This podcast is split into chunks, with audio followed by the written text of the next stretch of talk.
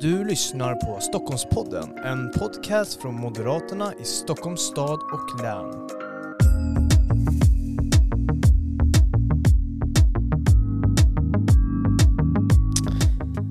Ja, varmt välkomna till ännu ett avsnitt av Stockholmspodden. Det här är ju Moderaterna i Stockholms stad och läns podcast där vi pratar aktuell, brinnande politik med våra främsta företrädare från alla nivåer. Det kan även hända så att vi har med andra eh, människor från olika positioner i samhället för att dela med sig av sina erfarenheter också. Men idag har vi med oss tre eh, företrädare för Moderaterna på lokal nivå. Det är Mikaela Fletcher, du är KSO i Österåker. Mm. Välkommen. Tack så mycket. Det är Per Granfalk, du är KSO i Solna. Varmt välkommen. Tack så mycket. Och det är Emma Fällman, du är KSO i Järfälla.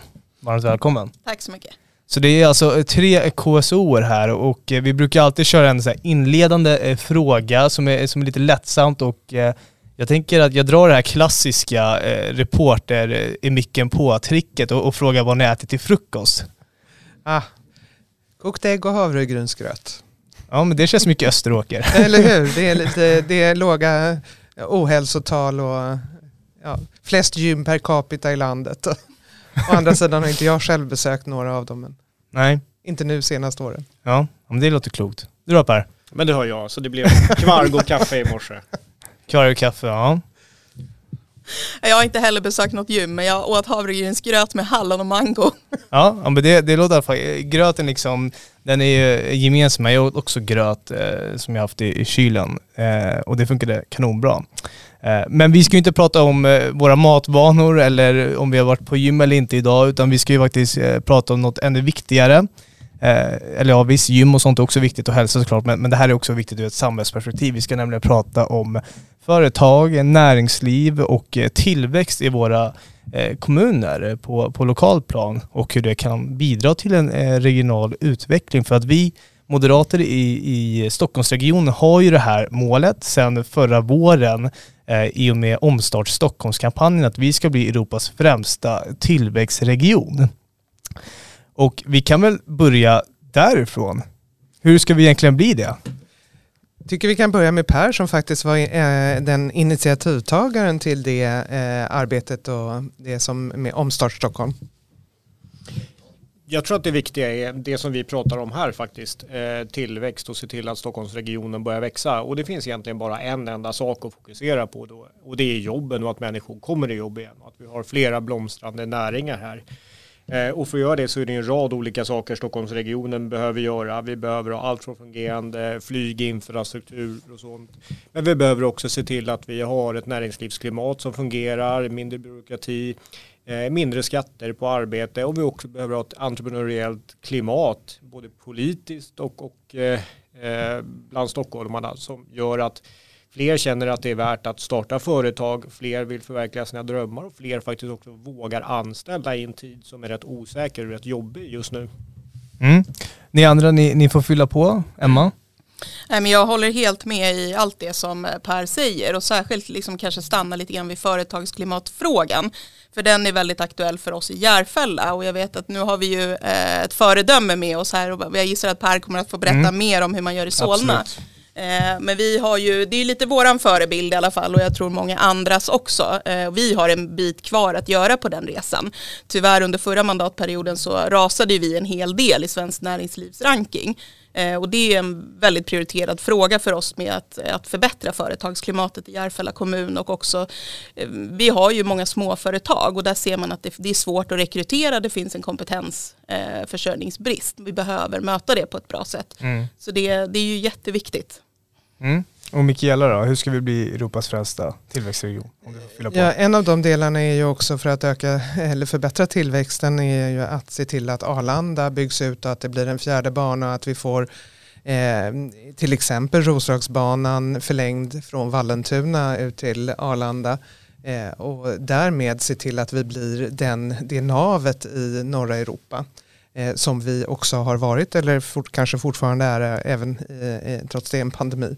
Mm. Eh, men vi behöver också vara där om 15 år. Jag arbetade själv på Arlanda när bana 3 byggdes eh, och det blev ju en mängd fler rörelser och en mycket större business för konferensanläggningar och hotell i hela Stockholm. Mm, precis, och, och jag tänker att vi ska landa lite i det här lokala nu. Vi, vi pratade lite om regionalt där, men det lokala, hur viktigt är det med ett fungerande näringsliv för en växande kommun? Hur mycket hänger det ihop Per? Det är avgörande skulle jag säga. Har man inte ett fungerande näringsliv och ett gott näringslivsklimat då är det ingenting i en kommun som kommer funka. Eh, arbete och tillväxt och företag är ju grunden för att folk ska ha ett jobb att gå till, det vill säga att folk ska kunna betala eh, skatt så att vi kan bedriva vård, omsorg, skolor, vad det kan vara. I en kommun som inte har företag eh, så kommer man inte heller kunna hjälpa människor som behöver hjälp när de behöver det som bäst ut i arbete.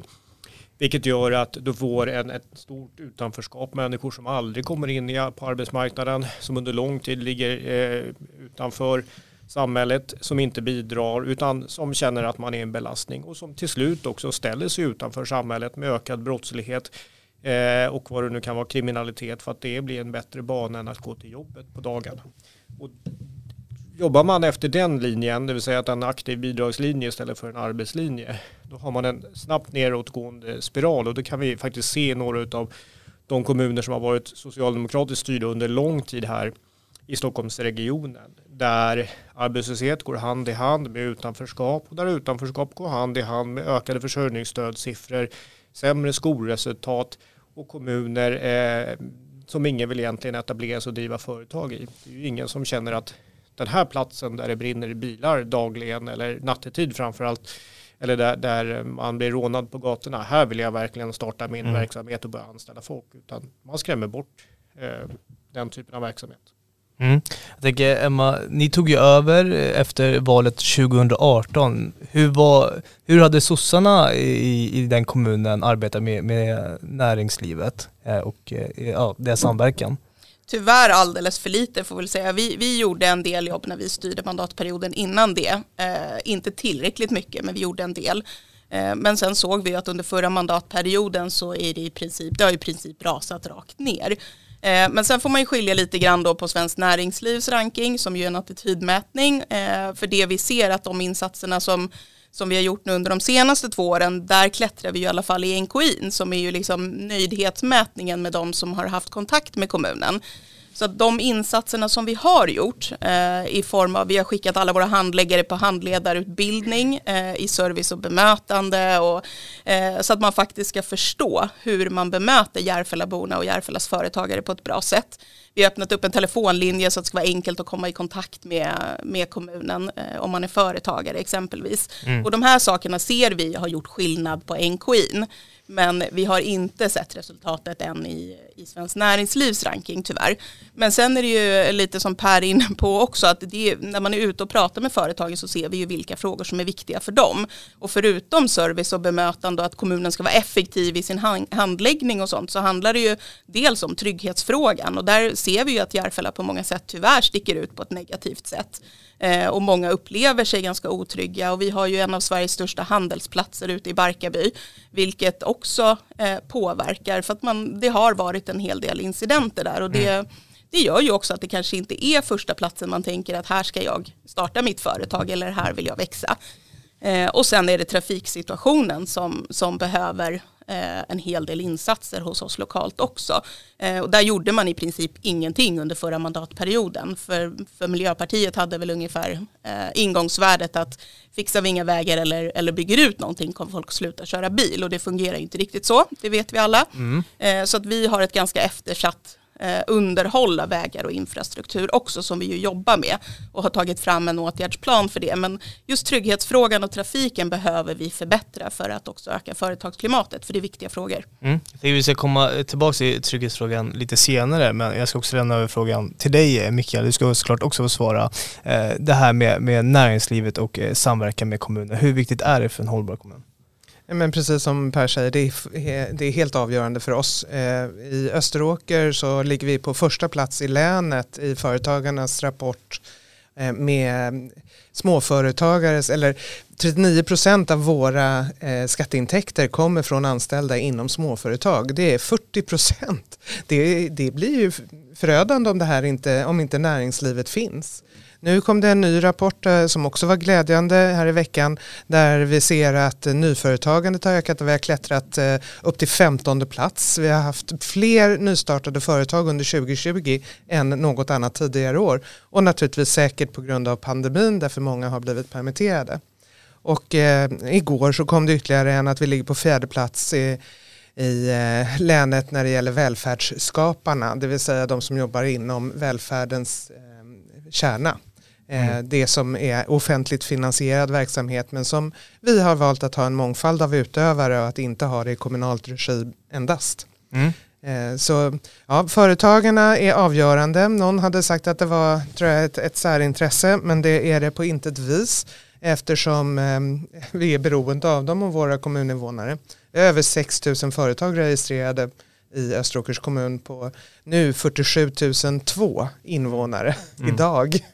Ja, grattis. Eh, ja, tack. eh, men eh, återigen, det är en entreprenörskommun och, mm. och en, en bransch eller, eh, som består av många olika branscher som också har eh, lätt att ställa om. Mm. Det visade sig i eh, Stockholms Handelskammares rapport här att Österåkers företagare ökade mest i länet sin omsättning under pandemiåret 20. 15 procent och i reella pengar så är det 2,2 miljarder. Mm. Klart att vi har ett lågt handelsindex från början så att det fanns, det fanns stor potential. Eh, men ändå, det har gått väldigt bra för de har lyckats ställa om. Mm. Men med, med, en god potential krävs fortfarande hårt arbete. Absolut och vi hamnar ju, eh, vår ambition är ju att hamna eh, topp 10 i mm. eh, eh, Svenskt Näringslivs ranking. Mm. Lite svårt, inte på något vis att ta udden av Solnas eh, strålande arbete. Eh, men det är ju många företag, all, småföretagare är inte medlemmar i, i lika stor utsträckning i Svenskt Näringsliv mm. som eh, stora företag. Och då har man, det är inte så många som svarar hos oss och är medlemmar. Mm mycket prat om svensk näringslivs ranking här och det är ju så att vi har ju en mästare bland oss här idag, eh, Solna med Per Granfalk i spetsen. Ni har ju vunnit 13 gånger. Eh, hur eh, egentligen har ni vunnit 13 gånger i rad? För det är en enorm bedrift. ja, egentligen så är det nog rätt enkelt faktiskt. om man tittar på, jag brukar, brukar gärna fråga så här, vad gör ni för att vara näringslivsvänligast? ja, det är rätt enkelt ska jag säga. Det ena är att ha en näringslivsvänlig attityd i kommunen, både bland politiker och tjänstemän, det vill säga att förstå att det här är en viktig del av liksom hur vi jobbar. Utan ett fungerande näringsliv, utan ett bra bemötande och serviceorganisation så kommer vi inte kunna hjälpa dem som behöver hjälp när de behöver det som bäst, det vill säga människor som ska ut i försörjningsstöd, få ett första jobb eller liknande. Eh, och det är väl den första viktiga delen, att vara näringslivsvänlig i attityden och integrera näringslivsarbetet i den övriga kommunala verksamheten så att alla tjänstemän och politiker förstår att det här är en viktig del oavsett om man är tillståndsansvarig eller om man jobbar på försörjningsstöd eller liknande för allting hänger ihop. Och sen att jobba med upphandlingar och framför allt eh, ha en serviceinriktad organisation och en attraktiv stad. Vi går ju aldrig in och stöttar enskilda företag direkt med eh, pandemicheckar eller liknande utan Ja, vi har valt vägen att vara pro-market istället för pro-business och det har funkat väldigt bra eftersom vi är en av de eh, kommunerna per capita som sannolikt har högst tillväxt i Sverige. Vi är den tredje minsta kommunen till ytan men sedan tio år tillbaka och tio år framåt så har vi investeringar på ungefär 70 miljarder. Då är en stor del såklart i eh, Hagastaden, en stor del i Arenastaden, ny tunnelbana, överdäckning Mälarbana, eh, väldigt många stora bostadsprojekt. Eh, men det är svindlande summor på en 20-årsperiod i investeringar. Det är väldigt få liksom, delar i Sverige som kan mäta sig med det. Mm. Jag tänker, hur, hur kan man egentligen jobba eh, lokalt också i andra? Våra kommuner skiljer sig åt. Vi har Österåker, ni är en skärgårdskommun till exempel. Solna, ni är eh, nästan staden, ni är precis utanför. Jag tänker, Mikaela, skiljer era kommuner någonting i hur man bör arbeta kanske? Ni är ju mer småföretag.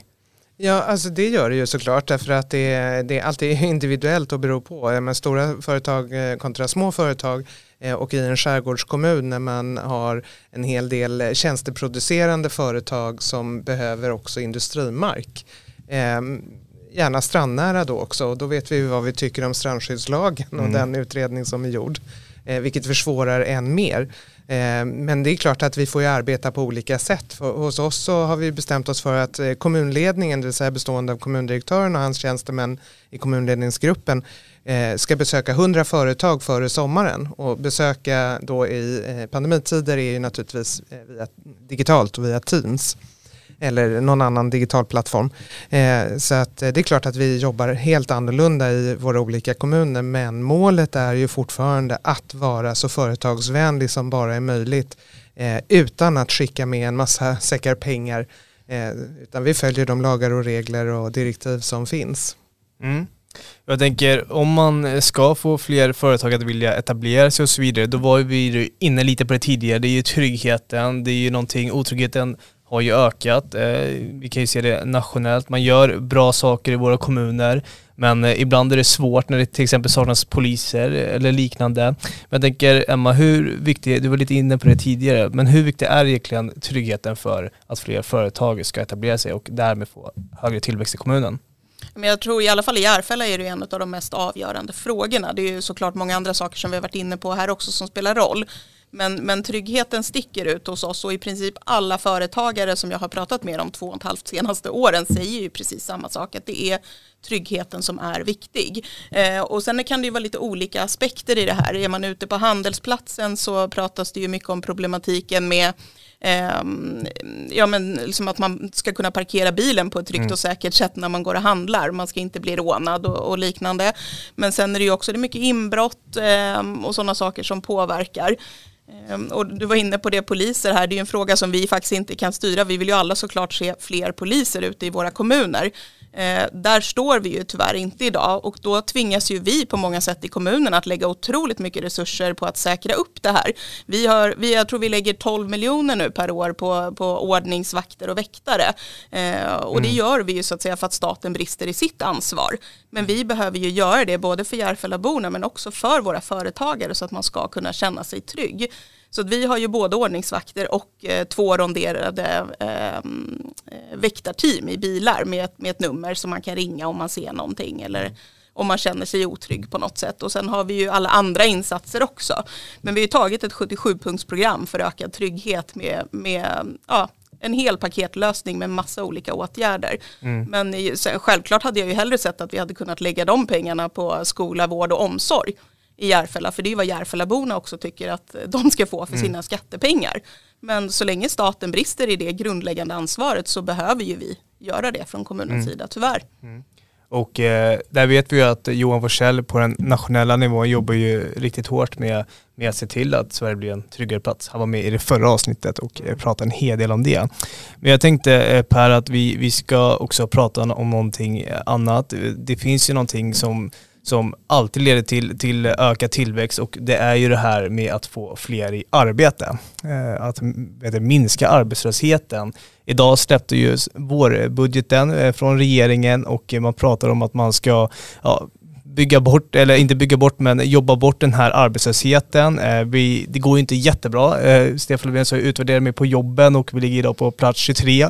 Det är nästan sist. Eh, arbetslösheten vet du, minskar i EU men den ökar i Sverige och så. Men jag tänker, vet du det, Per, ni jobbar ju med en speciell modell i, i Solna, ni kallar den Solna-modellen. Det handlar om att få in eh, vet du det, utrikesfödda och eh, nyanlända i arbete. Skulle du kunna berätta lite om den?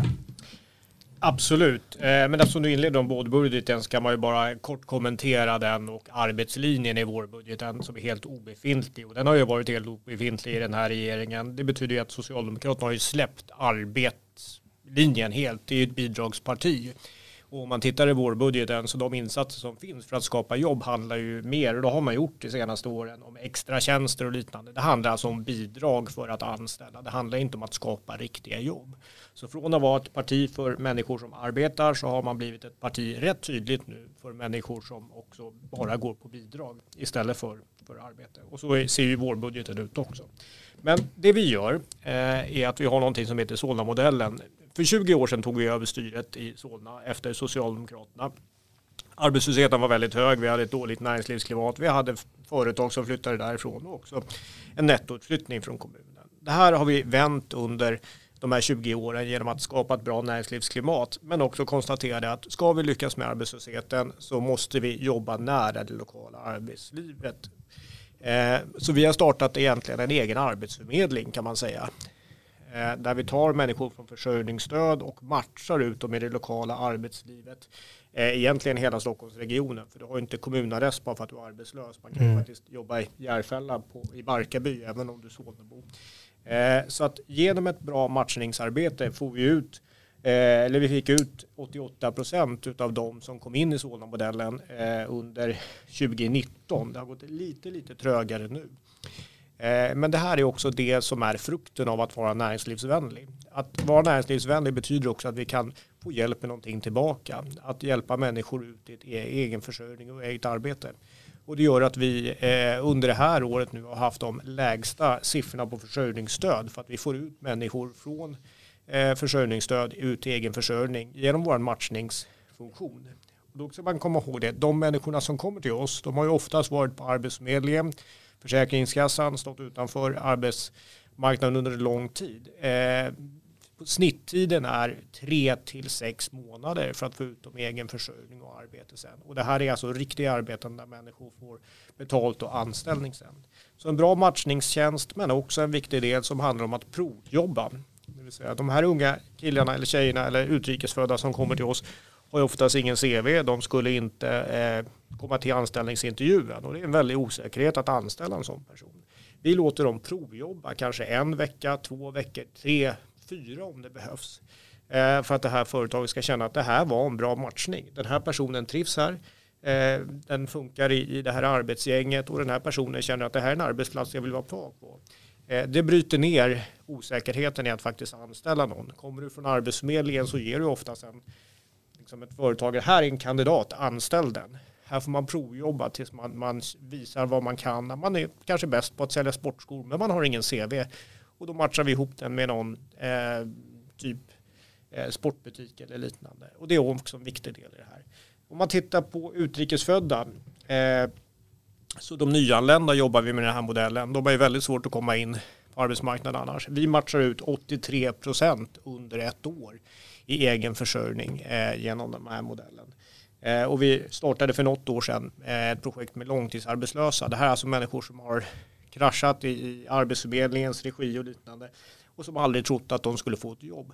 Under det året vi jobbade med dem så fick vi ut eh, eh 88 procent i egen försörjning och ett jobb. Det här var människor som aldrig trodde att de skulle komma in på arbetsmarknaden igen. Mm. Jag tänker, ni andra, hur, hur viktigt är det att man jobbar med till exempel de här långtidsarbetslösa så att de inte hamnar i ett utanförskap? Dels för tillväxtens skull men också för att de eh, inte ska kanske bli kriminella eller liknande, gå någon annan bana i livet. Emma? Ja men det är jätteviktigt såklart och det, det är bara imponerande att, att höra om det arbetet som man faktiskt har gjort i Solna.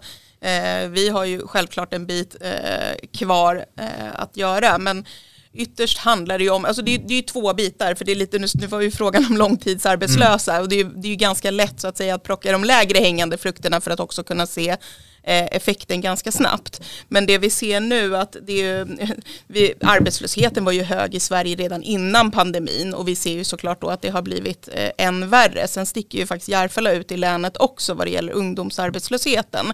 Eh, och det hänger ju mycket ihop också med skolresultaten. För att det bästa, den bästa garanten för att faktiskt komma ut och få sitt första jobb på arbetsmarknaden är ju en, en färdig gymnasieutbildning. Eh, och där har vi också tappat under förra mandatperioden. Och det, det, är, ju, det, det är, ingen, det är ingen quick fix utan där behöver man ju mm. lägga resurser. Um, och vi vet ju inte riktigt än hur det kommer att se ut uh, med konsekvenserna av pandemin också med distansundervisning och liknande. Det tror jag också kommer påverka. Mm. Och vi behöver lägga resurser på att se till att eleverna når målen.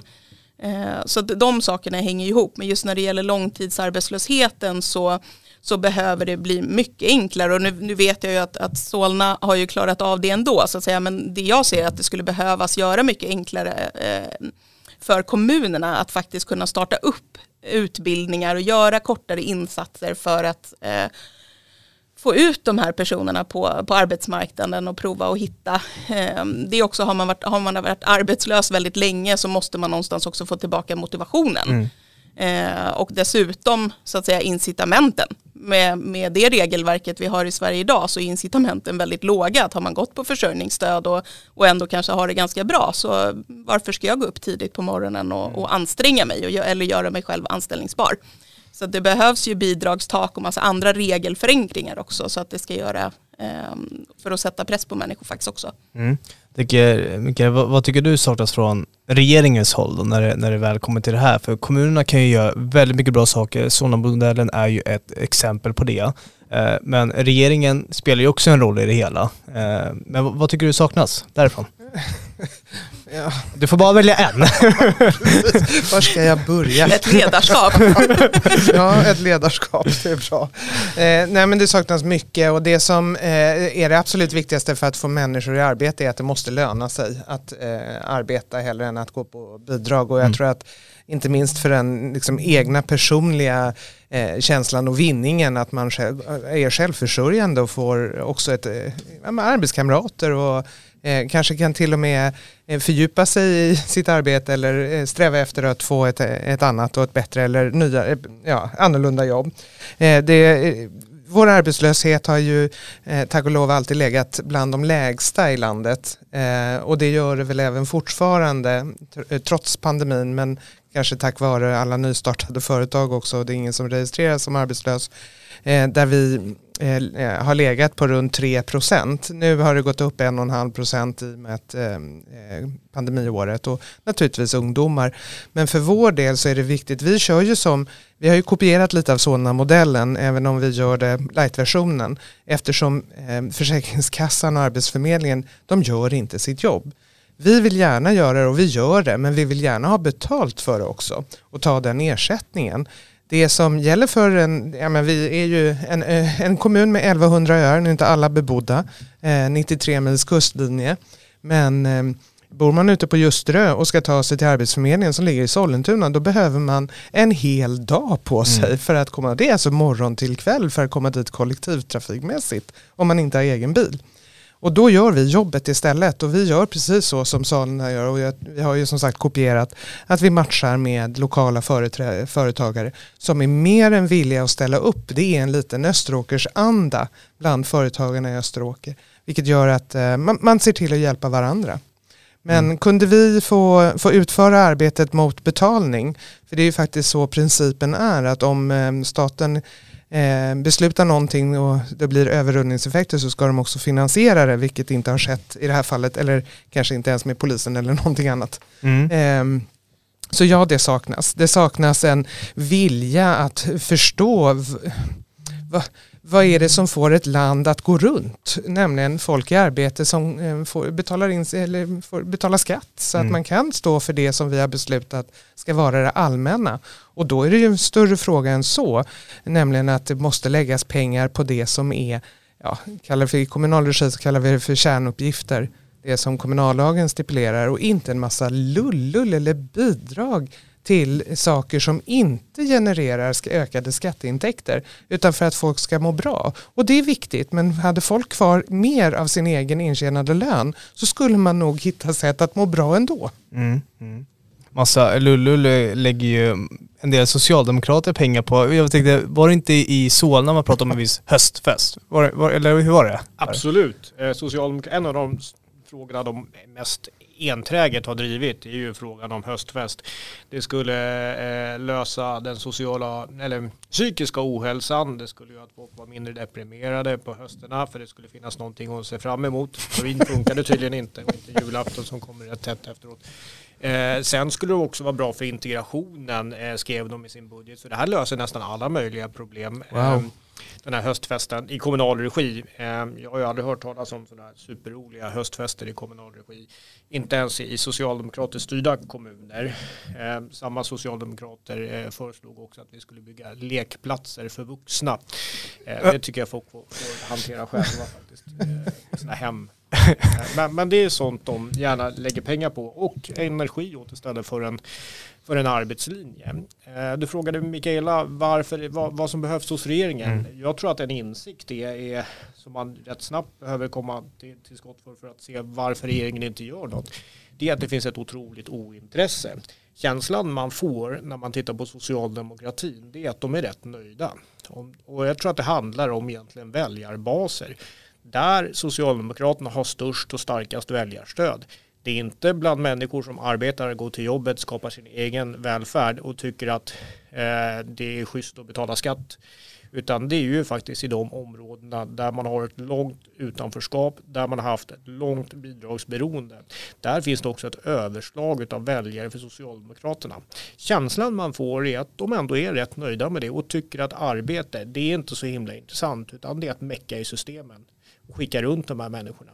Eh, det är känslan man får i alla fall. Jag hoppas att den är fel, men av någon anledning så har de övergett arbetslinjen och slagit in på en bidragslinje. Mm. Delar ni den eh, Pers eh, magkänsla? Ja det gör jag. Jag delar även den här bilden kring höstfesten. För det, de driver samma sak hos oss med okay. Järfällafestivalen. Det är Stockholmsregionsgrej då, då för våra... och den la vi ner eh, i början när vi tog över styret här så att den finns inte kvar. Mm. Och det, det, har, det, det är ständigt återkommande konflikt i varje budgetdebatt. Att vi, inte, att de, de, vi måste ha en Järfällafestival för det löser ju alla våra problem. I Österåker så vill de, vi har gamla gruvor i kommunen. Eh, och de vill de att vi skulle göra som en turistattraktion. Liv, fullkomligt livsfarligt att gå ner i de här gruvorna.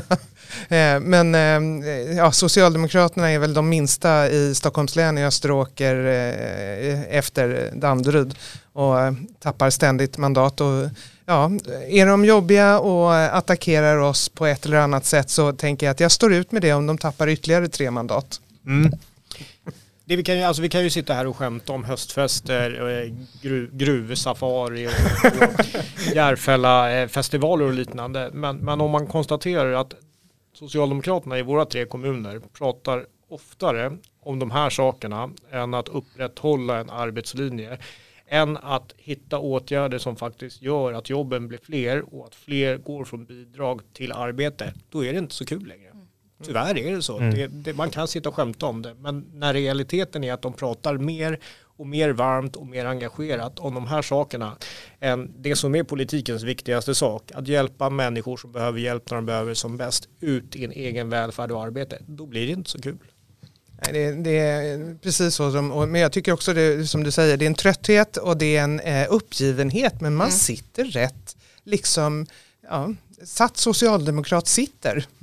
Mm. De, de, Ganska bekvämt. Ja, ja, i egna ögon. Utan det finns inga ambitioner eller vilja, att, som jag nämnde tidigare, att vilja få ett land på rull, att driva landet med kraft. Och det som politiken kan göra, politiken kan inte göra allt, utan det, eh, men det finns eh, sätt vi kan göra för att vara behjälpliga. Mm. Och, ehm, det, det, saknas. Eh, jag har nu inte hunnit själv att läsa igenom vårbudgeten men jag har sett lite eh, nyhetsnotiser om vad det står. Ja, det, ja, jag tänker också just, just det här liksom ingångsvärdet när man, när man pratar om arbetslöshet och faktiskt hur människor kommer i arbete. Just den synen man har på företag och varför företag är viktiga. Var, var skapas alla jobb någonstans? Eh, för det är också en väldigt quick fix. Det enda vi får höra det är ju att ja, men kommunen borde ju anställa arbetslösa. Eh, för det är så vi kommer att eh, lösa alla problem. Mm. Eh, och man, man har liksom inte den här förståelsen, varför är företag viktiga överhuvudtaget? Eh, mm. Och det, det känns också liksom väldigt uppgivet måste jag säga. Mm. Nu är det ju eh, absolut och, jag tänker när vi ändå, vi ändå ska sätta oss i, i, i situationen just nu så är det ju tredje vågen. Det, många företag går omkull, många går i konkurs och så vidare. Hur upplever ni det här i era kommuner? Är ni också påverkade? Alltså under 20 så gick eh, färre företag i konkurs mm. än, än året före det, under 2019 i Österåker. Eh, och som jag nämnde, vi har små företagare som har lätt att ställa om och snabbt kan ställa om och där beslutsvägarna är korta. Sen har vi ju naturligtvis eh, 6 000 fritidsfastigheter som har varit eh, i det stort sett permanent bebodda sedan eh, mars förra året.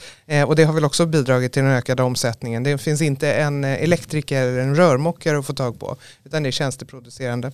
Så att vi har peppa peppa än så länge inte sett något problem med det. Det vi gjorde var när jag såg att ehm, eh, SAS skulle permittera, jag fick en nyhetsnotis på telefonen en söndag och säger att SAS ska permittera 10 000 ehm, eh, kabinpersonal. Eh, och då slog det mig naturligtvis att några av de här bor väl i Österåker och de behöver en inkomst och vi behöver skatteintäkterna. Och vi behöver å andra sidan också fler händer i vård och omsorg i takt med att eh, eh pandemin eller covid-smittan sprider sig och vi får personalbortfall. Eh, så vi var först ut i landet, även om Sofiahemmet och Novare fick den stora riksmedjan på det. Mm. så var vi först ut med snabbutbilda de här eh, som ville. Så nu har 450 personer genomgått den här snabbutbildningen och kunnat vara med och stärka upp i verksamheter när vi har haft stora sjukdomsbortfall. Och inte minst inom eh, matsalsdelen när restauranger eh, permitterade. Så att vi, än så länge, peppa peppa, har vi inte sett någonting och vi försöker att underlätta så mycket det bara går med att eh, tillfälligt sänka avgifter eller eh, ta bort avgifter för eh, uteserveringar och torghandel för mm. att det ska kunna fortsätta att rulla. Mm. Gör det lättare för, för företagarna mm. helt enkelt. Mm. Jag tänker Per, i, i Solna, hur upplever du att coronapandemin slår mot ert näringsliv? Eh, det slår ju nog som resten av Stockholmsregionen skulle jag säga eh, och framförallt som Stockholms innerstad. Vi har ju väldigt mycket handel, eh, restaurangnäring och liknande så de har det tufft har de. Även om väldigt många har lyckats ställa om. Vi har väldigt mycket hotell och liknande. Så att de har haft en tuff period, eller har en tuff period. Och vi hoppas att det här lättar så fort som möjligt. Det vi inte ser är än så länge är stora grupper arbetslösa. Eh, vi ser än så länge inga stora grupper, eh, till exempel unga som står utanför arbetsmarknaden. Men om det sker så ligger vi i startgroparna för att kunna jobba hårt med de grupperna. Vi har satt av en coronareserv för att kunna möta den matchningen som behöver göras alltså och de insatserna för att till exempel rädda en generation från långtidsarbetslösa eller liknande. Mm. Och Emma? Ja, men lite samma, samma läge som i Österåker. Vi har faktiskt ett lägre antal eh, konkurser.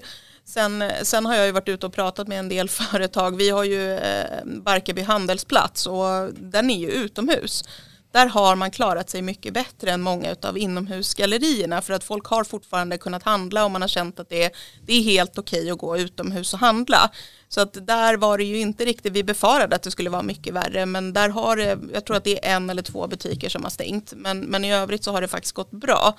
Ehm, och jag tror att det också har gjort att eh, det är många ungdomar som jobbar ute på handelsplatsen och det har ju faktiskt bidragit till att det inte ser värre ut eh, vad det gäller arbetslösheten än vad det hade kunnat göra.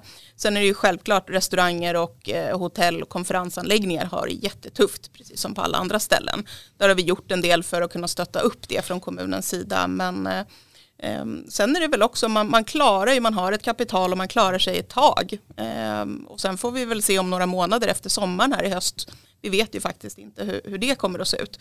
Men än så länge så har vi faktiskt klarat oss ganska bra i Järfälla just för att vi har Barkarby handelsplats. Mm. Svårt att se att konferensanläggningarna, och vi har ju en del konferensanläggningar ute på öar som är mer event eh, och eh, ja, konferensanläggningar helt enkelt. Eh, men det är ju stödpaketen från, eh, från staten som helt havererat. Eh, först så ska man söka och så söker man och så får man det är inte beviljat eller besvarat ens. Och sen kommer nästa omgång när man ska söka igen men man kan, och då ska man där tala om hur mycket man har fått i första omgången. Men om man då inte fått någonting i första omgången Eh, så kan man inte söka andra. Och då står de, det är ett moment 22. Och det är en fullkomlig haveri till den styrning och ledning som riksdag och framförallt regeringen ska göra eh, till sina olika myndigheter som ska dela ut det här. Mm det man kan konstatera när man pratar om vad kommuner gör för att stötta det lokala näringslivet så kan man konstatera att oavsett om vi ger anstånd på att betala räkningar eller eh, har billigare serveringstillstånd eller serveringsavgifter för utserveringar så är det bara en promille av det stödet som egentligen behövs och skulle dit. Huvuddelen och den stora bulken är ju staten och det är den som har misslyckats. Eh, hade de lyckats med det så hade vi aldrig behövt få frågan vad vi gör. Det är inte en kommunal uppgift eh, och det är väldigt svårt att klara av det lagmässigt att gå in och sponsra företag på det sättet som en del kommuner faktiskt gör för att rädda upp dem. Men det vi kan göra det är liksom en, det är en droppe i havet eh, och om det räddar någon det är tveksamt eh, egentligen när staten misslyckas med att få ut stödet till de som behöver det egentligen. Och det stödet som ändå har beslutats det är ju det Moderaterna och oppositionspartierna eh, i riksdagen har drivit på regeringen att fatta beslut om men som sen inte verkställs. Mm. Återigen det här ointresset av att mm. faktiskt rädda dem som, som skapar jobben. Det finns ett, ett slående ointresse av att liksom jobba med de frågorna. Det är roligare att pyssla med annat i regeringen tydligen. Vad det nu kan vara. Ja, ja det, det kan vi ägna... Presskonferenser. Ja, det är roligt. Presskonferenser Ja, ja. de är parti och minut. Ja, det, vi kan ju nästan ägna en hel, en hel dag och att podda om vad, vad Socialdemokraterna på, på nationell nivå ägnar sig istället för att se till att, att eh, permitteringsstöd och annat eh, kommer till företagare som behöver det. Men med det sagt så är det nu dags att sätta punkt för, för det här poddavsnittet. Eh, Jag vill tacka er alla tre för att ni kom hit och valde att dela med er av era tankar och åsikter och vad ni gör i era kommuner. Eh, Och även vill jag tacka dig som lyssnat. Eh, och jag hoppas att du är med oss i nästa avsnitt av Stockholmspodden. Eh, om det är några frågor, om man har inspel eller liknande kan man mejla in till stockholm.moderaterna.se eller om man har någon ytterligare fråga eh, så blir den besvarad. Men med det sagt, stort tack till er tre för att ni kom och även till dig som lyssnat. Hej!